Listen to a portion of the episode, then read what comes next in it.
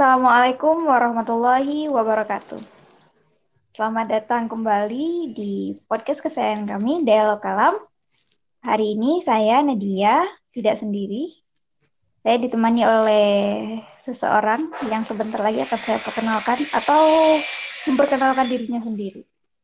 Sebelumnya, uh, beberapa hari yang lalu, teman saya ini sempat bertanya kepada saya,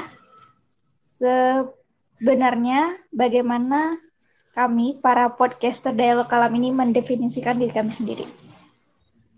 Karena sebenarnya isi dari anak dialog kalam itu, saya, Andi, Rahmat, Ten, Vivi, Kamil, itu semuanya adalah anak-anak IATI. Ilmu Al-Quran dan Tafsir. Alumni UIN Kali Jaga Yogyakarta. Tapi uh, sebenarnya ketika membuat podcast ini tidak pernah terpikirkan ke situ. Kami hanya orang-orang LDR yang tertarik untuk memperbincangkan fenomena agama. Begitu. So here's my friend, Datu Muhammad Duha Lupila. Say hi please. Hai. Ayo perkenalkan diri dulu dong. Aku, Aku sendiri ya. Halo, saya Duha. Saya uh, kakak kelas tapi seumurannya Nadia dan Inat dan lebih muda dari beberapa orang di grupnya Inat, ya nggak sih? bener. Ada yang lebih tua dari aku kan ya di grupmu ya? Ada. Iya deh. Jadi sebenarnya kami tuh kayak uh, ikatan alumni gitu di Alkalam ini. Soalnya mm. semuanya anak IAT gitu. Iya, terus sebelumnya kami adalah geng rumpi gitu. Geng rumpi, bukan sebelumnya ya. Sampai sekarang kita masih. Iya, masih. masih kalau kita ketemu nggak um, sengaja di sebuah tempat gitu langsung satu jam dua jam ternyata kita ngomongin orang semua mm -mm. masih tapi uh, hari ini uh, kami break sebentar untuk bergibah dan membicarakan sesuatu yang lebih sophisticated yaitu dan manfaat semoga mm. Uh, jadi temanya hari ini adalah sebenarnya uh, aku diajak untuk jujur-jujuran dan merenung tentang ya definisi dari yang awal tadi aku bilang tentang anak-anak IAT sendiri. Beberapa hari yang lalu aku sama Datu Duha ini, aku bilangnya Datu ya. Iya. Ya, that's how I call you. Mm -mm. Ya, iyalah gitu aja nggak apa-apa kalau pakai panggilan lain nanti terbongkar semua aibku wow uh, udah ngobrol tentang sesuatu kegelisahan yang dirasakan oleh Datuk sendiri yang mungkin juga dirasakan oleh kami-kami. Tapi aku nggak terlalu rewel sih orangnya. Kalau Datuk ini memang terkena rewel. Jadi dulu itu hmm, kita pernah se project buat nerjemahin bukunya Abdullah Said tapi tidak pernah terbit. Terus Datu Duha ini adalah senior sekaligus tutor gitu. Ada Cak Afif juga, ada Mas Ardi juga, dan sangat rewel gitu ketika menerima uh, setoran terjemahan dari aku, Teten, dan Kak Vivi. Itu mas nanti ya di kalian ya? Apaan? kerewelanku itu dan kamu. Iya, ha, rewel banget gitu sampai kadang gondok. ya sebenarnya aku nggak rewel, aku orangnya easy going banget. Aku tuh orangnya oh, iya. Oke. Okay. Iya. Kalau ya udah biar uh, apa? Jadi aku udah udah harus curhat nih. Biar kita uh, bisa masuk ke pembahasan utamanya kenapa kita akan membicarakan tentang diri kita sendiri hari ini dan juga tentang orang-orang yang berada di satu bidang yang sama. Tentu saja masih tentang para pemula ya, nggak mungkin kita memperbincangkan orang-orang yang udah expert. Kan nggak mungkin kita gibahin Pak Quraisy gitu ya. Siapa kita? Hello. Nggak. Kalau anaknya Quraisy uh. boleh kita gibahin. ini kita ngomongin tentang diri kita sendiri, orang-orang yang masih belajar dan masih sampah banget lah apalagi aku Iya, silakan dua. Kamu kemarin uh, gelisah karena apa? gelisah karena kamu tinggal nikah by the way, congrats ya. Thank you. Ya Allah, aku nggak tahu sudah berapa banyak adik kelas yang meninggalkan aku dan sibuk dengan suami dan istrinya masing-masing. Jadi Ya udah nggak apa-apa. Ha, hidup harus terus berjalan. Iya sih, tapi uh, status pernikahanku masih di situ-situ aja. Anyway. Oke. Okay. Um, tentang itu ya, tentang diri sendiri ya, tentang. Mm -hmm. Tapi sebenarnya ini harusnya kalian, kamu, Vivi, uh, siapa lagi ya yang udah pulang? Harusnya kalian-kalian yang udah pulang itu yang lebih merasakan ini karena persentuhan dengan masyarakatnya kan lebih lebih intens dari kami. Maksudnya um, ekspektasi kita kan nanti bicara tentang ekspektasi masyarakat ke kita sendiri dan itu harusnya kalian yang sudah diserang oleh ekspektasi yang berbagai macam itu. Kalau kami sih karena kebetulan aku punya kesempatan untuk tetap di Jogja, tetap jadi anak rantau sehingga uh, masih ada tuh alasan-alasan kayak ya mau ke kampus mau kuliah atau mau di pondok dulu mau ngaji. Untuk sebenarnya sih lari dari ekspektasi masyarakat itu. Ekspektasi masyarakat itu uh, membebani aku uh, sendiri personally sebagai terutama dalam identitasku sebagai alumni IAT itu tuh kayak ini kurasakan banget ketika aku uh, eh, KKN dan sebelum KKN itu bahkan kami kan di LSK ya tinggalnya. LSK itu uh, bagi para pendengar podcast ini yang berjuta-juta ya jumlahnya di seluruh Indonesia. uh, itu LSK adalah sebuah uh, pesantren di daerah Yogyakarta di dekat terminal utama, terminal Giwangan. Di situ ada pesantren untuk kami anak-anak terutama jurusan IAT dan pesantren itu membuat kami terintegrasi banget sama masyarakat. Jadi kami itu diajarkan uh, diajari bagaimana caranya menjadi orang yang nanti jadi rujukan masyarakat itu dalam hal agama dan kami sudah mulai menghadapi itu ketika ketika masih kuliah walaupun tetap dalam banyak hal dibantu oleh senior dan kiai kami di situ. Cuman hmm. kami sudah merasakan itu. Jadi pas KKN juga kami lebih perannya ke situ, ke konsultan agama lah kalau bisa bilang. Konsultan nah, agama. Iya. Untuk tidak menyebut ustad karena beberapa kali aku dipanggil kita tuh jadi kayak aduh peci mana nih peci? Serban mana ya? Uh, untuk itu identitas pertama sebagai uh, sarjana IAP, alumni ilmu Al-Quran dan tafsir itu menjadi konsultan agama itu. Yang pertama kali diperkenalkan ke kami ya dari masyarakat. Tapi itu nanti akan ku bahas berapa menit lagi ya. Yang bahas dan identitas satunya lagi sebagai sarjana IAP. Maaf memang sering sering menyanyi tanpa alasan gitu. Jadi kalau masuk suaranya ke sini, maafkan. Uh, identitas ya, satunya yang itu bicarakan itu adalah identitas kita sebagai peneliti dan penulis. Mm-hmm. Itu yang uh, terutama ya, yang di dicekokkan ke kita di kampus. Karena kita di kampus tuh kalian tuh nanti jadi peneliti kalian tuh nanti jadi penulis. Walaupun ada juga yang mengingatkan bahwa kita nanti jadi konsultan agama tapi yang lebih banyak kita itu di train sebagai peneliti dan penulis. Jadi always train as a scholar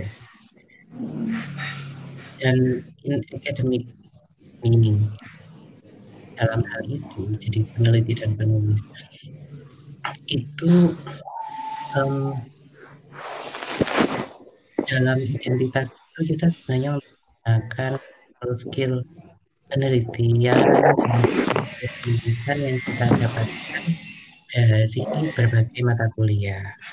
Dan itu yang sebenarnya tidak terlalu berguna di masyarakat. I mean, uh, kalau kita ke masyarakat kita nggak bisa tuh pakai skill penulisan kita nggak bisa pakai skill penelitian. Kita bisa ikut ke masyarakat menggunakan skill itu tapi untuk kepentingan kita sendiri. Kita ikut ikut tahlilan misalnya atau ikut istighosahan misalnya nanti kita pakai skill penelitian itu untuk melihat fenomena-fenomena apa yang terjadi um, dan kemudian kita menulis itu dan menulis publikasikannya kan kepentingan kita sendiri sebagai peneliti bukan kepentingan masyarakat terkait dengan identitas kita. Atau setidaknya itu berguna untuk kepentingan masyarakat akademik yang melingkupi kita.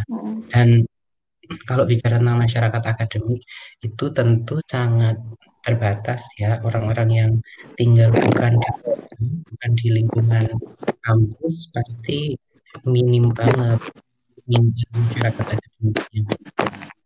Yang lebih banyak hmm. adalah ekspektasi sosial sebagai konsultan akademik itu. Dan sebenarnya dalam identitas itu aku jadi presentasi ya emang mm, go ahead. Oh apa ya? Intinya sebenarnya sama kan ya. Jadi penulis jadi peneliti jadi konsultan agama itu kan kita diajari untuk tidak atau mistik, tidak parsial dalam berpikir.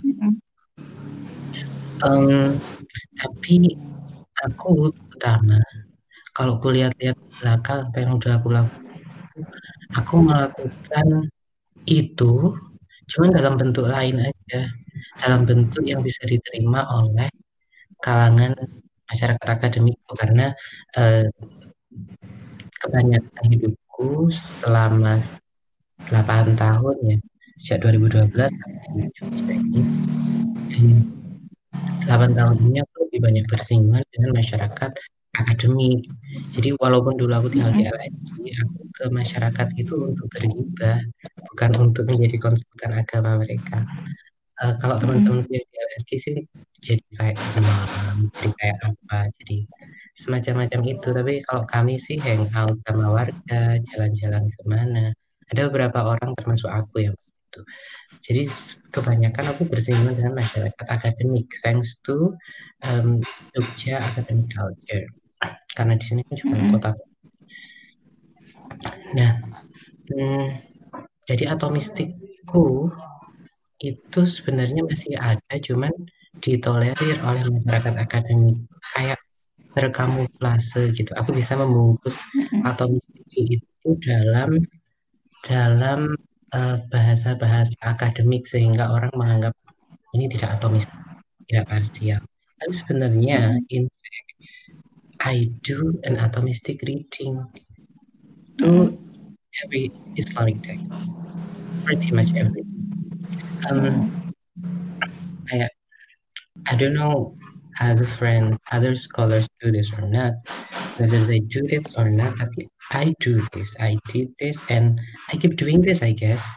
Tapi sebenarnya hmm. aku pengen, aduh aku kayak Sophia Lajuba dan Cinta Lawrence. Sorry. Um, jadi aku sedang berusaha nih. Misalnya, beberapa kali aku menulis dan presentasi karena itu ya kegiatan-kegiatan akademik dan ketika menulis mencari cari bahan untuk didiskusikan bahan yang kudiskusikan itu hmm. adalah um, ayat Quran atau tafsir. Karena memang fokusku um, selama lima tahun pertama lah itu masih di tafsir dan Quran sebenarnya di tahun-tahun terakhir ini dua tahun terakhir setidaknya tiga ya itu aku sudah mulai beralih fokus ke hadis. Uh, awal-awalnya aku fokusnya ke Quran. Dan in doing so aku me, kayak membatasi diri gitu pada beberapa ayat saja. I realize aku nggak kuat kalau bahas terlalu banyak ayat. Memilih beberapa yang menurut paling relevan dengan apa yang ingin gue diskusikan. Ketika aku mencari ayat-ayat itu pertama aku baca Qurannya. Kita melihat yang lain. Karena aku nggak paham ya um, aku baca terjemahannya. Terjemahan tentu yang dari Kemenak um, aku pakai terjemahan yang resmi dari Kemenak itu pakai ya yang di web ada pernah yang uh, diterbitkan juga pernah. Tapi sekarang terjemahan Kemenak kan ada di Quran mana pun ya hampir semua Quran terjemahan pakai Quran terjemah Kemenak uh, terus setelah baca terjemahnya aku masih harus membaca tafsir. Tafsirnya biasanya tafsir yang klasik. Itu pun nggak semua. Dipilih beberapa aja yang paling sering disebut oleh dosen.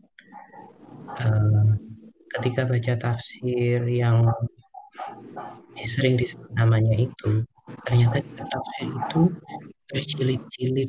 Satu jilidnya bisa seribu jadi kan nggak mungkin ya kan kita masih harus main IG nonton YouTube membaca seribu halaman um, sehingga aku milih beberapa halaman saja yang berkaitan dengan ayat Quran yang sedang ku teliti dan mau aku diskusikan. Terus aku membatasi di situ. Jadi uh, aku cuma membaca dua ayat dari satu surat. Ketika baca Quran dan baca terjemahnya, aku baca konteks besarnya dalam sebuah surat. Tapi kalau udah masuk ke tafsir, karena udah beribu halaman, puluhan lah halaman dalam menafsirkan uh,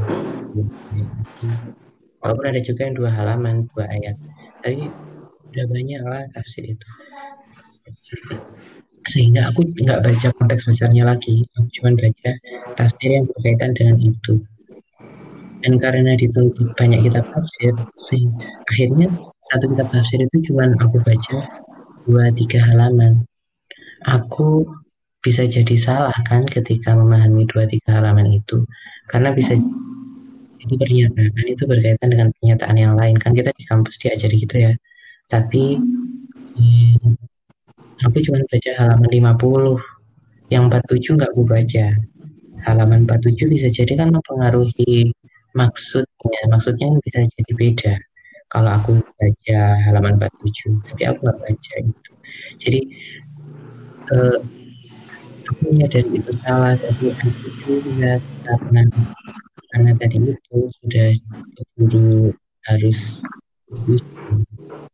jadi nggak profesional akunya ketika itu. Terus juga ah sorry. Uh, dan juga um, ketika melakukan itu aku sudah lewat nah ini ini kayaknya menarik juga aku membayangkan itu dalam melakukan kerja tafsir, kita itu sedang menapaki anak tangga. Nah, anak tangga yang pertama nih, atau yang satu dan dua, itu anak tangga foundational, yang dasar. Setelah itu kita baru uh, mendapatkan anak tangga yang bercabang. Kita bisa masuk ke cabang kanan, tengah, kiri, kiri, baru tapi itu setelah kita menapaki dua anak tangga yang awal ini dan dua anak tangga yang awal ini uh, bentuknya adalah ulumul Quran kaidah tafsir dan tafsir kita nggak pernah bisa melewati itu kan dalam penelitian apa pun dalam identitas apa pun kan. Kita menjadi peneliti harus baca itu kita jadi penulis harus baca itu kita jadi konsultan agama juga harus baca itu karena identitas kita kan setidaknya tiga itu ya. Tapi ternyata ketika melakukan uh, tugas-tugas dalam berbagai identitas itu aku melewatkan dua ini karena sayangnya aku mikirnya gini ya yang lebih seksi untuk didiskusikan itu adalah yang anak tangga ketiga. Jadi aku langsung ke situ misalnya aku yang lebih cenderung ke uh, Chancellor uh, Sofia juga macam itu. Lebih ke barat-baratan lah. Jadi oriental dan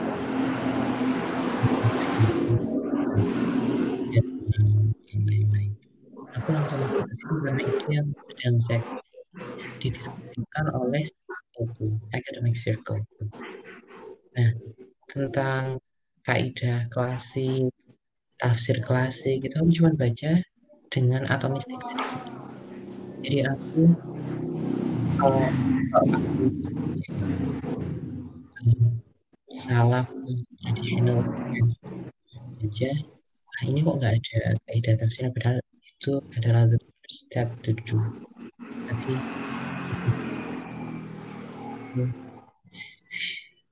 aku merasa berdosa ketika aku ingat tulisan-tulisanku itu. Karena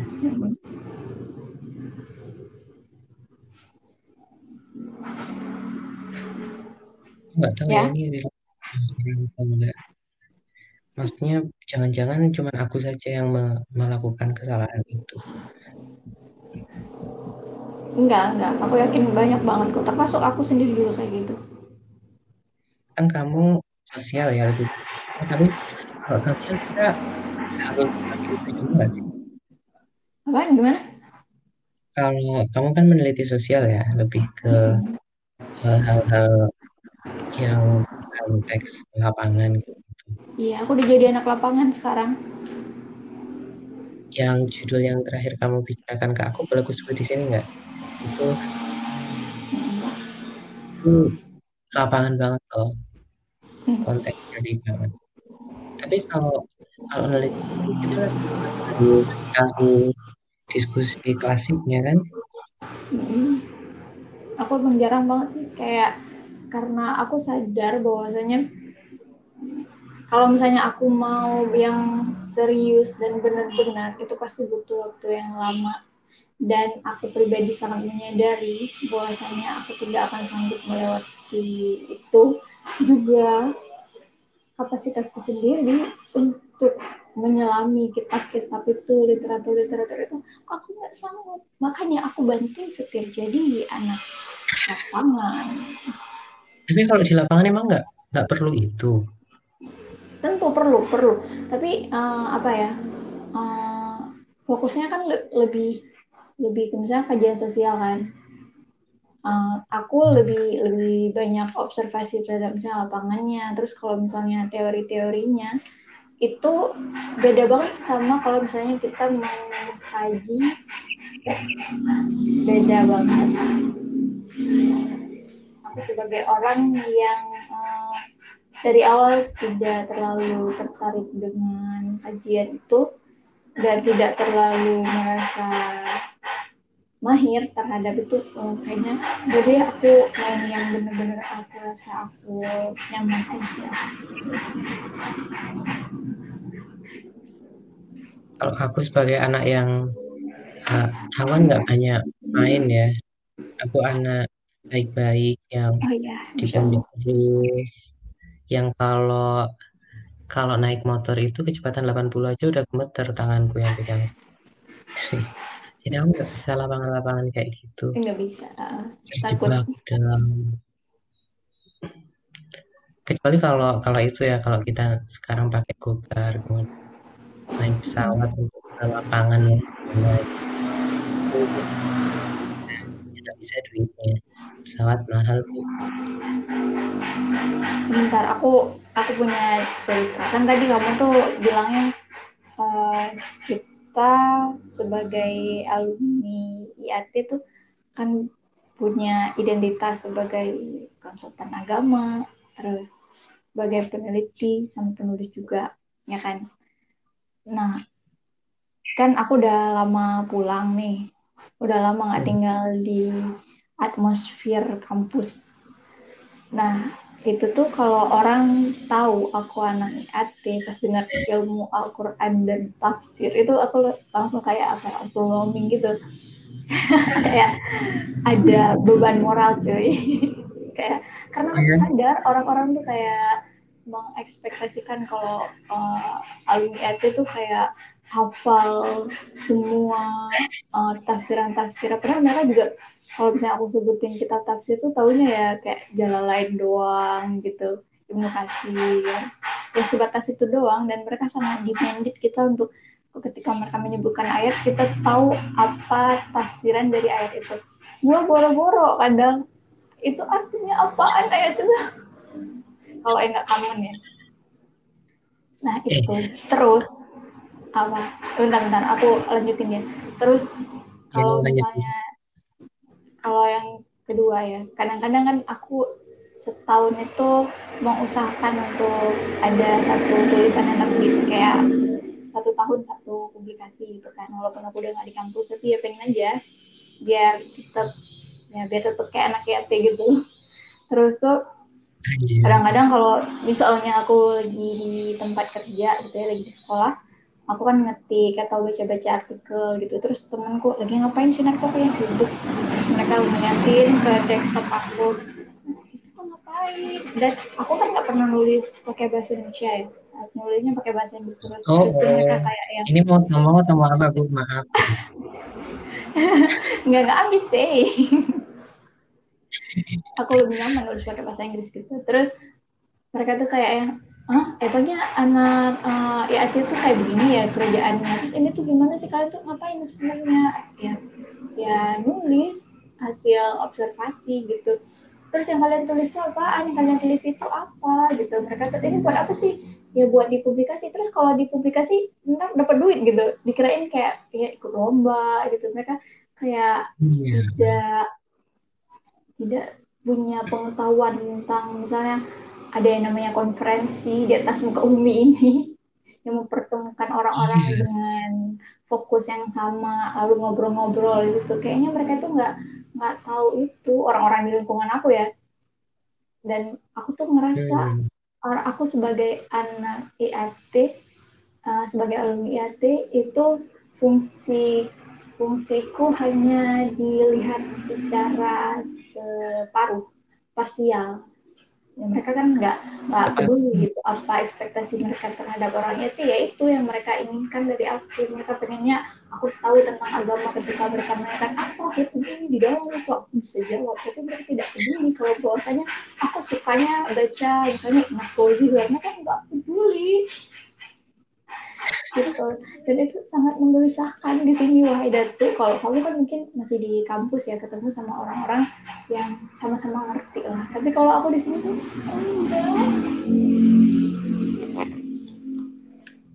Eh, kalau ada orang yang nanya se- setelah ngelihat ke desktopmu terus nanya kayak gitu, itu mereka kasih uang aja biar jajan keluar biar nggak ngerecokin kamu. Aku kasih Ka- tahu kamu udah berapa Hmm? udah berapa lama sih kamu pulang? apa Berapa tahun ya? aku sejak Kamu di rumah udah berapa sudah tiga tiga tahun lah kurang lebih tiga tahun ya?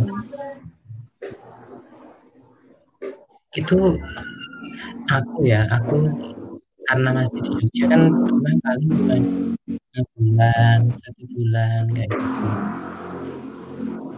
Keluar pakai celana pendek itu nggak boleh. Mm. karena kayak Ya, mencederai kalau- ekspektasi orang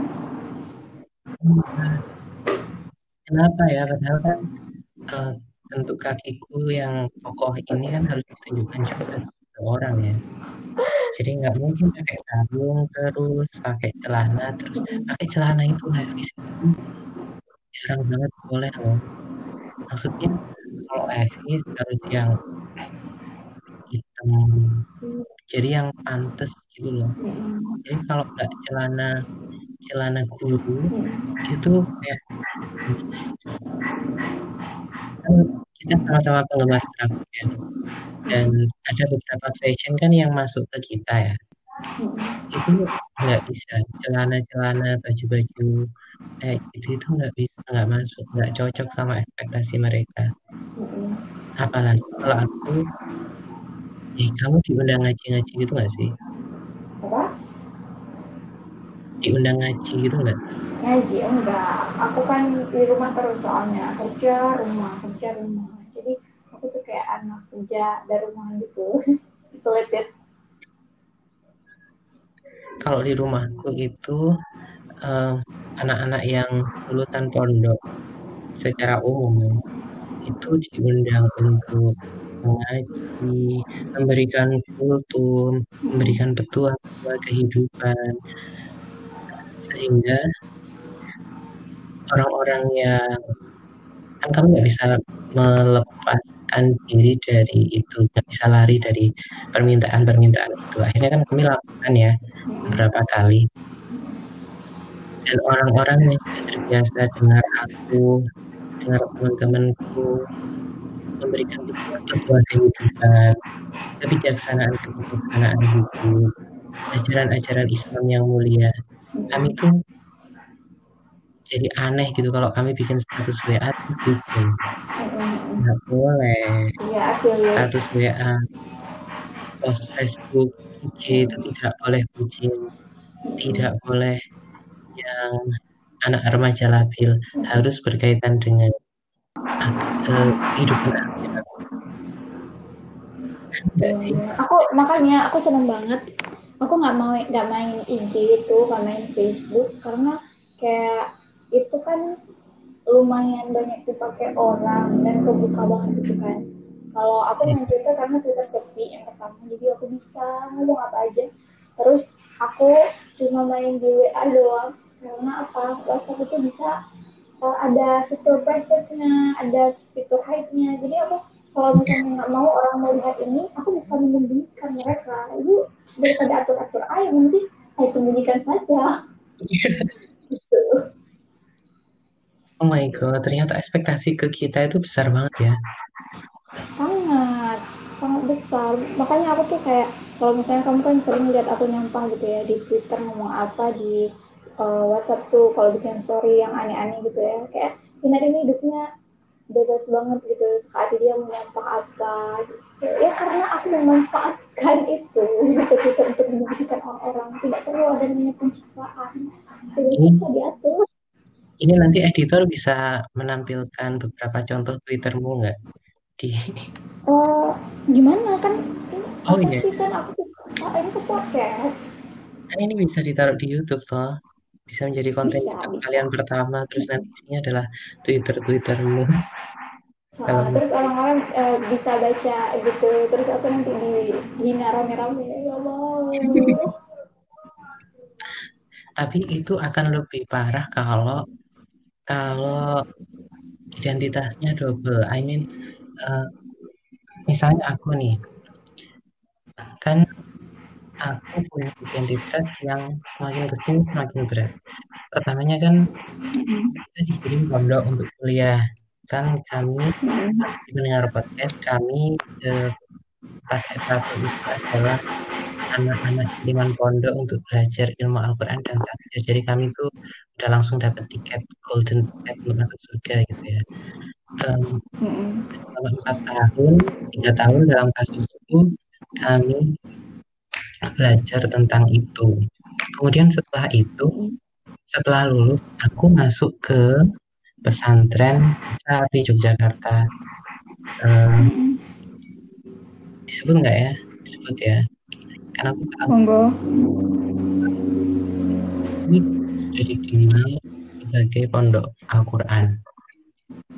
Dan waktu dulu ada Mbah Ali Maksum dan Munawir juga uh, menjadi gurunya Mbak Arwani. Jadi uh, pondok itu sangat relate ke pondok ini. Juga ada pondok-pondok Quran lain di tempat lain itu respect banget ke Al Munawir jadi menjadi santri Al Munawir itu sebenarnya menambah bebanku. Oh mau memberikan ekspektasi semacam yang kita bicarakan tadi itu ke aku sarjana ekspektasi itu semakin benar gitu ketika mereka tahu bahwa aku adalah santri Al Munawir. Apalagi kompleks, kompleks penghafal. Kan lebih berat lagi gitu. Um, itu penting untuk didiskusikan. Terus dipanggil Ustadz Duha gitu nggak? Di uh, kalau pulang di mana dulu? Pas di rumah. Oh, pas di rumah enggak karena uh, kan waktu di kampung ya. Jadi panggilan-panggilan itu bukan panggilan umum. Kalau panggilan ustadz kan untuk anak-anak atau orang-orang kota ya. Yang panggil ustadz, ustadz. Tapi kalau di kampung itu panggilannya cuma mas atau pak nah sebenarnya usia Oh kan gitu. ya Gak ada manggil Syekh, Syekh Duho. bisa nggak pernah mereka tapi karena wajahku yang Belum lumayan ya, ditunggu aja. belum aku kan Lumayan apa? Lumayan ya. Korea. karena aku nggak pakai skincare aku jadi iya. mungkin kelihatan tua atau mungkin karena ada cahaya-cahaya keabian yang terpancar dari wajahku mereka pun Wow. manggil aku beberapa kali pak. Jadi beberapa orang yang manggil aku Oh pak gitu. kenapa harus harus pak sih kayak tua banget itu menuakan umur. Mm-mm. Dia Eh, bilang protes dong, bilang panggil Mas aja. ya selalu bilang gitu. Tapi dengan bilang gitu kan berarti aku membenarkan eh, mereka bahwa aku tampak tua ya kan? Jadi aku kadang nggak bilang gitu terserah aja mereka mau manggil apa Em, tapi poinnya ekspektasi orang itu semakin kuat gitu ke aku. Ketika mereka tahu bahwa aku adalah santri Munawir. Dan mungkin itu happening juga untuk teman-teman kita yang selain kuliah di IAT mereka juga mondok. Dan banyak dari mereka for your information ya mereka itu eh, ini salah satu yang di yang ku dengar dari teman-teman pondok. Jadi kami itu mondok sambil kuliah ya kan? Jadi identitas yang kami taruh pertama itu adalah identitas kesantrian lalu identitas kesarjanaan nah karena identitas kesantrian itu yang kami tonjolkan maka kami sama aja bilang ke masyarakat eh, ayo sini ekspektasi kalian ke santri apa? Ini aku santri jadi kasih gitu. Itu my god. Itu berat. Karena santri kan nggak boleh gini nggak boleh gitu. Em, pokoknya orang righteous lah orang soleh lah. Ketambahan akademik tadi itu harus paham tafsir ini, harus paham tafsir itu. Buru-buru paham tafsir, beberapa judul tafsir aja aku lupa judul lengkapnya apa. Nama nama Tobari itu nama lengkapnya siapa sih aku juga lupa. Jadi Sama. uh, al, asli An Anwarul Tanzil apalah itu. Kitab-kitab tafsir kan namanya juga banyak yang mirip. Tafsirul Qur'anil Azim, Tafsirul Qur'anil Karim itu juga terus ya banyak sekali lah nama kitab tafsir itu. Itu nggak kayak nama artis atau nama nama orang yang bisa gampang diingat. Namanya itu panjang-panjang. Nggak sering disebut. Disebutnya cuma singkat-singkatnya aja. Kayak al itqan. Al itqan fi apa? Pasti kalau kalau menanya kan juga di belum dilakukan tapi kalau uh, Jami'ul Bayan fi fi apa? Kan ada tafsir di ayat Al-Quran di takwil itu tafsir takwil aja sering keliru gitu jadi wah, ekspektasi mereka tuh bagi orang-orang beridentitas double kayak aku beberapa temenku itu wow sekali apalagi kalau mereka tanya ayat Al-Quran terus aku lagi blank nggak bisa melanjutkan ini, ini apa ya nah, ini harga diri saya sebagai seorang akan hancur ya. Uh, ini aku liatin uh, kita sudah berbicara udah satu oh, ya? dan uh, kayaknya kalau aku hitung-hitung itu di part awal dari awal kamu mulai bercerita uh, kamu bicara about 20 minutes straight about kegelisahan yes kalau nggak salah ya. Berarti kamu segelisah itu gitu loh. Dan aku mendengarkan semuanya dan aku juga merasakan sebetulnya walaupun kita beda uh, udah beda lah kasusnya sekarang. Cuman aku pribadi juga merasakan. And now I think it's time for you to give a closing remark. Apa sih yang kamu pengen dari orang-orang? Dan tuh kita tuh harusnya gimana? Kita itu nggak pengen lagi diatur-atur bagusnya gimana? Nggak tahu ya. Kayak aku nggak bisa menyalahkan mereka yang berekspektasi. Jadi uh, I wanna say to them, um, please.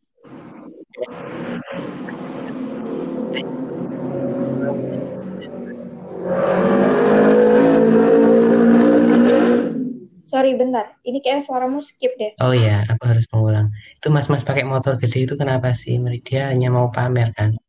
Iya, memang. Ha, kan tuh nggak balapan di dalam kamarku. Um, I wanna say to them, uh, please do give your expectation. I don't sign up to that all. I don't promise that I will meet your expectations, all of them, totally. Tapi I promise I will try my best. I will do my best, and I start doing this since years. So please don't judge support me, and I will do my best as a scholar, as a country, as a consultant for you all. Jadi yang paham ini kan cuma orang-orang yang nanti pakai Google Translate ya.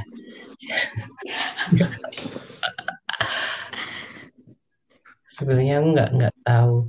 Nanti kalau beberapa waktu yang lalu aku juga dapat eh, ini harusnya closingnya tapi satu satu cerita lagi kemarin.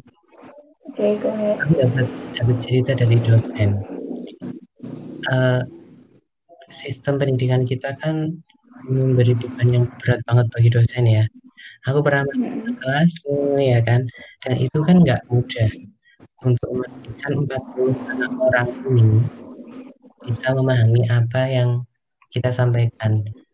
Uh, aku nggak tahu apakah mereka barusan di ditolak cowok atau cewek banyak sekali masalah orang dan mereka juga punya banyak beban mata kuliah sehingga uh, kita nggak bisa menyalahkan kalau kesulitan memahami materi kuliah. Tapi dosen juga keberatan gitu bebannya. Ngajar banyak sekali mata kuliah ngajar banyak sekali mahasiswa sehingga nggak bisa totally all out ketika ngajar mereka masalahnya kalau ada dosen yang memegang mata kuliah sakral seperti tahfidz, seperti hafalan hadis, seperti hal-hal yang lebih sakral, apalagi kok jadinya mereka itu uh, kayak wah ini aku harus all out karena ini mata kuliah sakral. Tapi so itulah dilema kami ketika kami belajar, ketika kami mengajar, dan kami juga punya beban dalam banyak aspek kehidupan kami juga. Jadi uh, kami akan berusaha maksimal, tapi please ekspektasi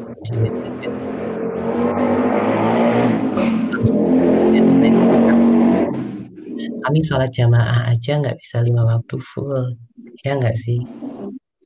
Ada loh film-film dan drakor-drakor yang lebih uh, menyita waktu lima menit please don't say that oh ya sorry juga nanti kami juga manusia butuh drakor Iya, kami juga manusia. Oh ya, itu itu adalah pesan pesan yang penting. Sarjana IAT juga manusia. Ya, ya kami juga manusia yang pengen pakai celana pendek kalau keluar rumah gitu. Yes. Thank you. Thank you for saying. Kamu bukan nabi ya. Nabi udah selesai Nabi Muhammad. Walaupun ada ya.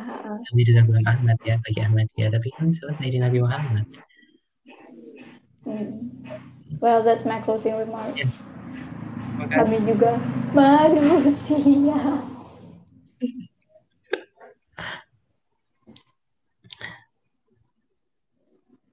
Uh, udah 45 menit uh, kayaknya udah bisa kita akhiri sesi rumpi yang pertama. Mungkin nanti kita bisa lanjut ke sesi rumpi yang selanjutnya. Soalnya kalau misalnya mau bahas ekspektasi itu luas banget. Ekspektasi banyak banget ekspektasi orang sama kita. Belum lagi hal-hal lain yang dilema-dilema anak yatim yang lainnya. Masih banyak ya. Yang nggak sih banyak banget ya? Banyak banget Ini aku aja sambil ngobrol ini masih kepikiran beberapa hal yang lain yang pengen aku obrolin entah sama kamu entah sama orang lain ntar di episode-episode yang selanjutnya gitu. Terus uh, terima kasih sudah mau aku ajak bicara. Uh, semoga di lain waktu kita bisa rekaman lagi dengan suasana yang lebih sepi dan hikmah juga dengan device yang lebih cepat rebahan badai. Oh iya, rekamannya sambil ketemu enak tuh. kita makan Iya, kan aku tuh pengen banget sebenarnya kayak gitu. Cuman seperti jargon kami, ini adalah podcast orang-orang LDR. Oke, okay, ini sebelum kita tutup, aku mau bilang, aku di Aceh, kamu di mana? Aku di Jogja, di Krapia. Ya, di Jogja. LDR kan? Iya banget. Nah, begitulah kami membuat podcast ini. Begitu, jadi harus LDR ya. Iya, harus LDR. Nanti aku ganti. eh, tapi longnya kan bisa bisa relatif. Long satu meter juga oh, long iya. menurutku. Long, iya benar-benar long hmm. juga ya. Uh, emang penggaris. satu meter gak kira long kalau relationship. Iya. Makasih ya, I'm so okay. diundang ke sini. Makasih banget. Iya, uh, aku juga senang sekali kita sudah ngomong-ngomong lagi kemarin udah ngomong nih ngomong lagi. Iya. Senang deh aku kayak berasa reuni gitu. Banget, banget. ya ntar kita habis nih off ngomong yang lain lagi ya, misalnya ya. kayak drakor gitu, cowok ganteng, soalnya. Oke, okay, I'll stop. Yes. Uh, terima kasih untuk semua yang telah mendengarkan. Maaf kalau misalnya ada bising-bising yang masuk, pasti masuk karena aku rumahnya di tepi jalan raya pas dan banyak banget mas-mas yang ngegas yang siang, juga bengkel las yang abangnya tidak berhenti bekerja walaupun panas. Juga ada tadi temennya Datu Duha yang suka nyanyi. Iya. Maaf ya, tapi semoga podcast kami ini menghibur. Podcast kami ini bermanfaat. Cukup sekian. Yes. Amin. Sampai ketemu di episode selanjutnya. Assalamualaikum warahmatullahi wabarakatuh.